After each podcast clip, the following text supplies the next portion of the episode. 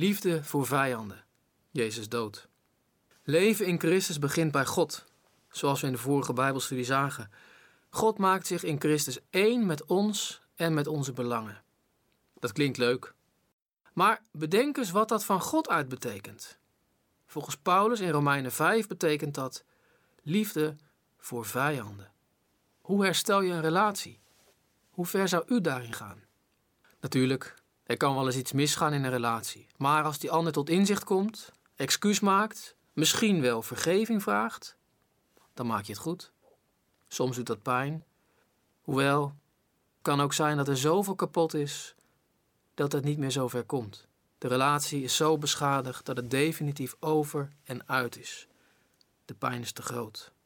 In het Bijbelboek Romeinen vertelt Paulus in hoofdstuk 5 wat God voor onwaarschijnlijke dingen heeft gedaan om onze relatie met Hem te herstellen. Hij begint redelijk rustig in vers 6. Toen wij nog hulpeloos waren, is Christus voor ons die op dat moment nog schuldigen waren, gestorven. Sterven voor hulpeloze mensen, voor schuldige mensen, wie zou dat doen? Het ligt niet heel erg voor de hand. Er zijn wel verhalen uit concentratiekampen over iemand die zich opoffert voor een ander. Of, of verhalen over mensen die een kogel opvangen voor een ander door ervoor te springen. Het gebeurt wel eens dat iemand wil sterven voor een ander. Zo gaat Paulus dan ook verder, hoofdstuk 5, vers 7. Er is bijna niemand die voor een rechtvaardig mens wil sterven. Slechts een enkeling durft voor een goed mens zijn leven te geven.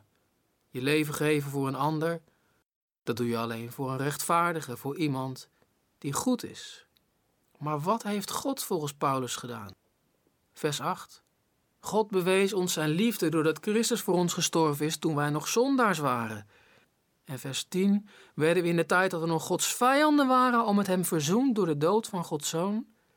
Eerst gaat het over mensen die hulpeloos waren.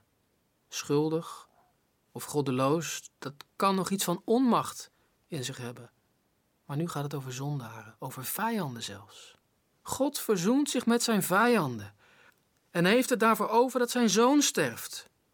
Stel je voor wat er gebeurt als je kind sterft. En als dat kind ook nog eens vermoord is door vijanden. Er zijn weinig dingen zo erg als aan het graf van je vermoorde kind staan. En als iemand jouw kind gedood heeft, dan is het toch je vijand geworden. Jezus voelde het zelf aankomen dat hij uit de weg geruimd moest worden. Hij vertelt er een verhaal over. Je kunt het lezen in het Bijbelboek Matthäus, hoofdstuk 21 vanaf vers 33. Er was een landheer. Hij had een wijngaard die hij verpachtte aan wijnbouwers. En zelf gaat hij op reis, maar hij wil natuurlijk wel graag druiven zien. En daarom stuurt hij zijn mensen om de druiven in ontvangst te nemen. Maar wat doen de wijnbouwers? De een mishandelen ze, de ander doden ze, een derde stenigen ze. En ook een volgende groep medewerkers van de eigenaar wordt door de wijnbouwers gedood. Dan denkt de eigenaar voor mijn zoon zullen ze wel respect hebben. Ik stuur mijn zoon. Wat doen de pachters? Zij zien hem en denken, dat is de toekomstige eigenaar. We doden hem ook. Dan is de wijngaard voor ons. Moet je je voorstellen. Je hebt een bedrijf. Je opent een nieuwe fabriek. Maar de productie loopt niet.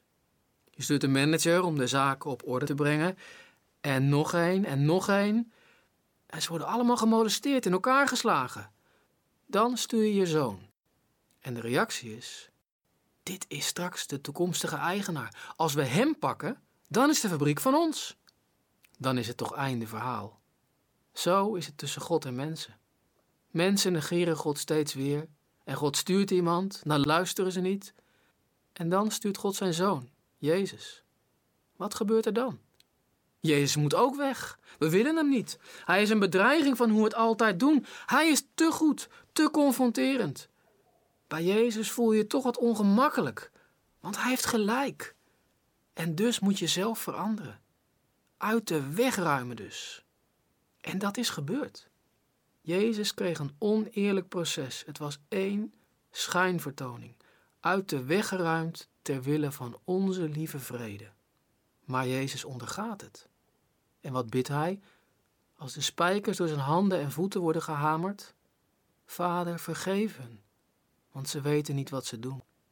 En de ontknoping komt op Pasen. Jezus leeft weer. De moord op Jezus wordt ongedaan gemaakt. En Jezus dood blijkt de bron van nieuw leven. Hoe herstel je een relatie? Hoe ver zou u daarin gaan? Hoe breng je vijanden bij elkaar? Een Palestijn en een Jood? Een Noord-Ierse katholiek die vroeger bij de IRA hoorde en een fanatieke protestantse Britse orangist? Iemand met een rotte vechtscheiding achter de rug en zijn of haar ex? Conflicten zijn vaak visieuze cirkels. Ik schat jou uit, jij schat mij uit. Jij wordt nog bozer en zegt iets gemeens. Ik verlies mijn zelfbeheersing en sla. Jij slaat terug. Er stroomt bloed over mijn wang. Ik schop. En we rollen vechtend over de grond. Zo gaat het in het klein. Soms heel subtiel en beheerst. Maar ook in het groot. Wij schreeuwen tegen jullie, jullie schreeuwen terug. Wij plegen een bomaanslag, jullie bombarderen ons als vergelding. Wij plegen weer een bomaanslag, jullie doen een inval met tanks. Iemand moet stoppen en niet langer kwaad vergelden met kwaad. Maar wie doet dat? Doet u het? Ik vind het soms heel lastig. In het klein, in een klein conflict, om die spiraal te doorbreken.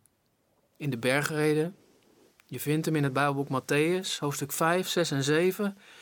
Zegt Jezus hier prachtige dingen over. Maar ook dat je denkt: is het niet wat idealistisch? Bijvoorbeeld in hoofdstuk 5, vers 43 en verder. Jullie hebben gehoord dat gezegd werd: je moet je naaste lief hebben en je vijanden haten. En ik zeg jullie: heb je vijanden lief en bid voor wie jullie vervolgen. Alleen dan zijn jullie werkelijk kinderen van je Vader in de hemel. De spiraal van kwaad naar erger kan doorbroken worden.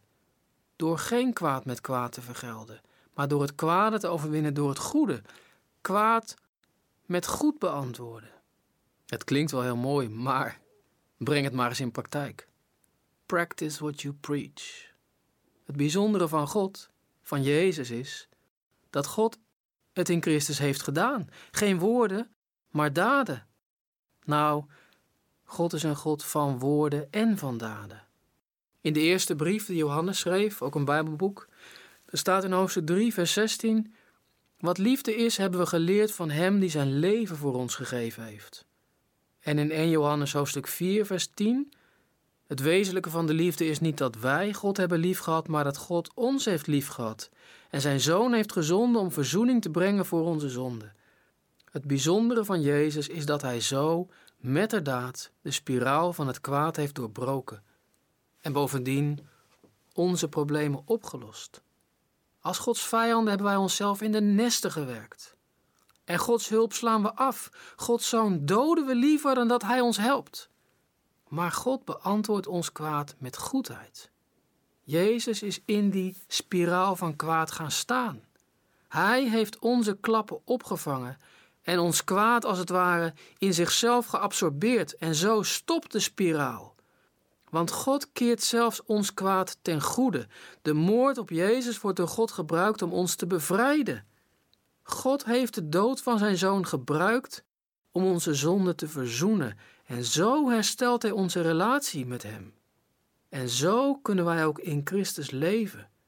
Mensen die Gods zoon verraden, verlogenen, in het gezicht slaan, vals beschuldigen, zijn zoon uit de weg laten ruimen, mogen zelf zonen en dochters van God worden.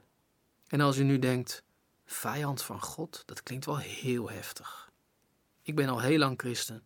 En hoe langer ik christen ben, hoe, meer ik soms ook van mezelf schrik. Van die onredelijke neiging om God in de wachtstand te zetten om God ergens buiten te houden. Nee, God nu even niet. Diep in mensen borrelt iets van die vijandschap. Soms zie je het heel expliciet, soms is het verborgen en soms is het ook al door de Heilige Geest van God veranderd in hartstochtelijke liefde voor God. Maar vijandschap, dat is wel waar we vandaan komen. Wat is leven in Christus? Dat is leven als iemand die van een vijand van God die soort die zijn zoon gedood heeft, door die dood van Gods zoon veranderd. Want de zoon is opgestaan uit de dood en in hem mogen we zelf geliefde zonen en dochters van God zijn. We waren vijanden, maar we mogen weer thuis bij hem komen, aan zijn tafel meeeten. Ik kan me hierover blijven verbazen. Dat God zo ver gegaan is om zijn relatie met ons te herstellen dat Hij zo ver gegaan is om ons kwaad te overwinnen en ons te bevrijden, om ons bestaan weer heel te maken, om onze schuld en onze zonde oordelen, weg te doen en ons ervan los te maken, te verzoenen. Onvoorstelbaar. Wat een God.